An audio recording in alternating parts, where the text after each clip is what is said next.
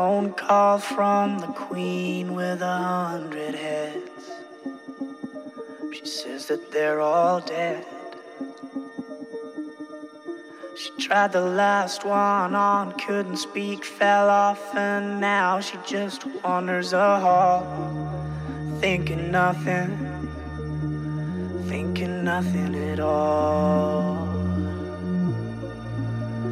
Once there was a man had a little too much time on his hand and never stopped to think that he was getting older.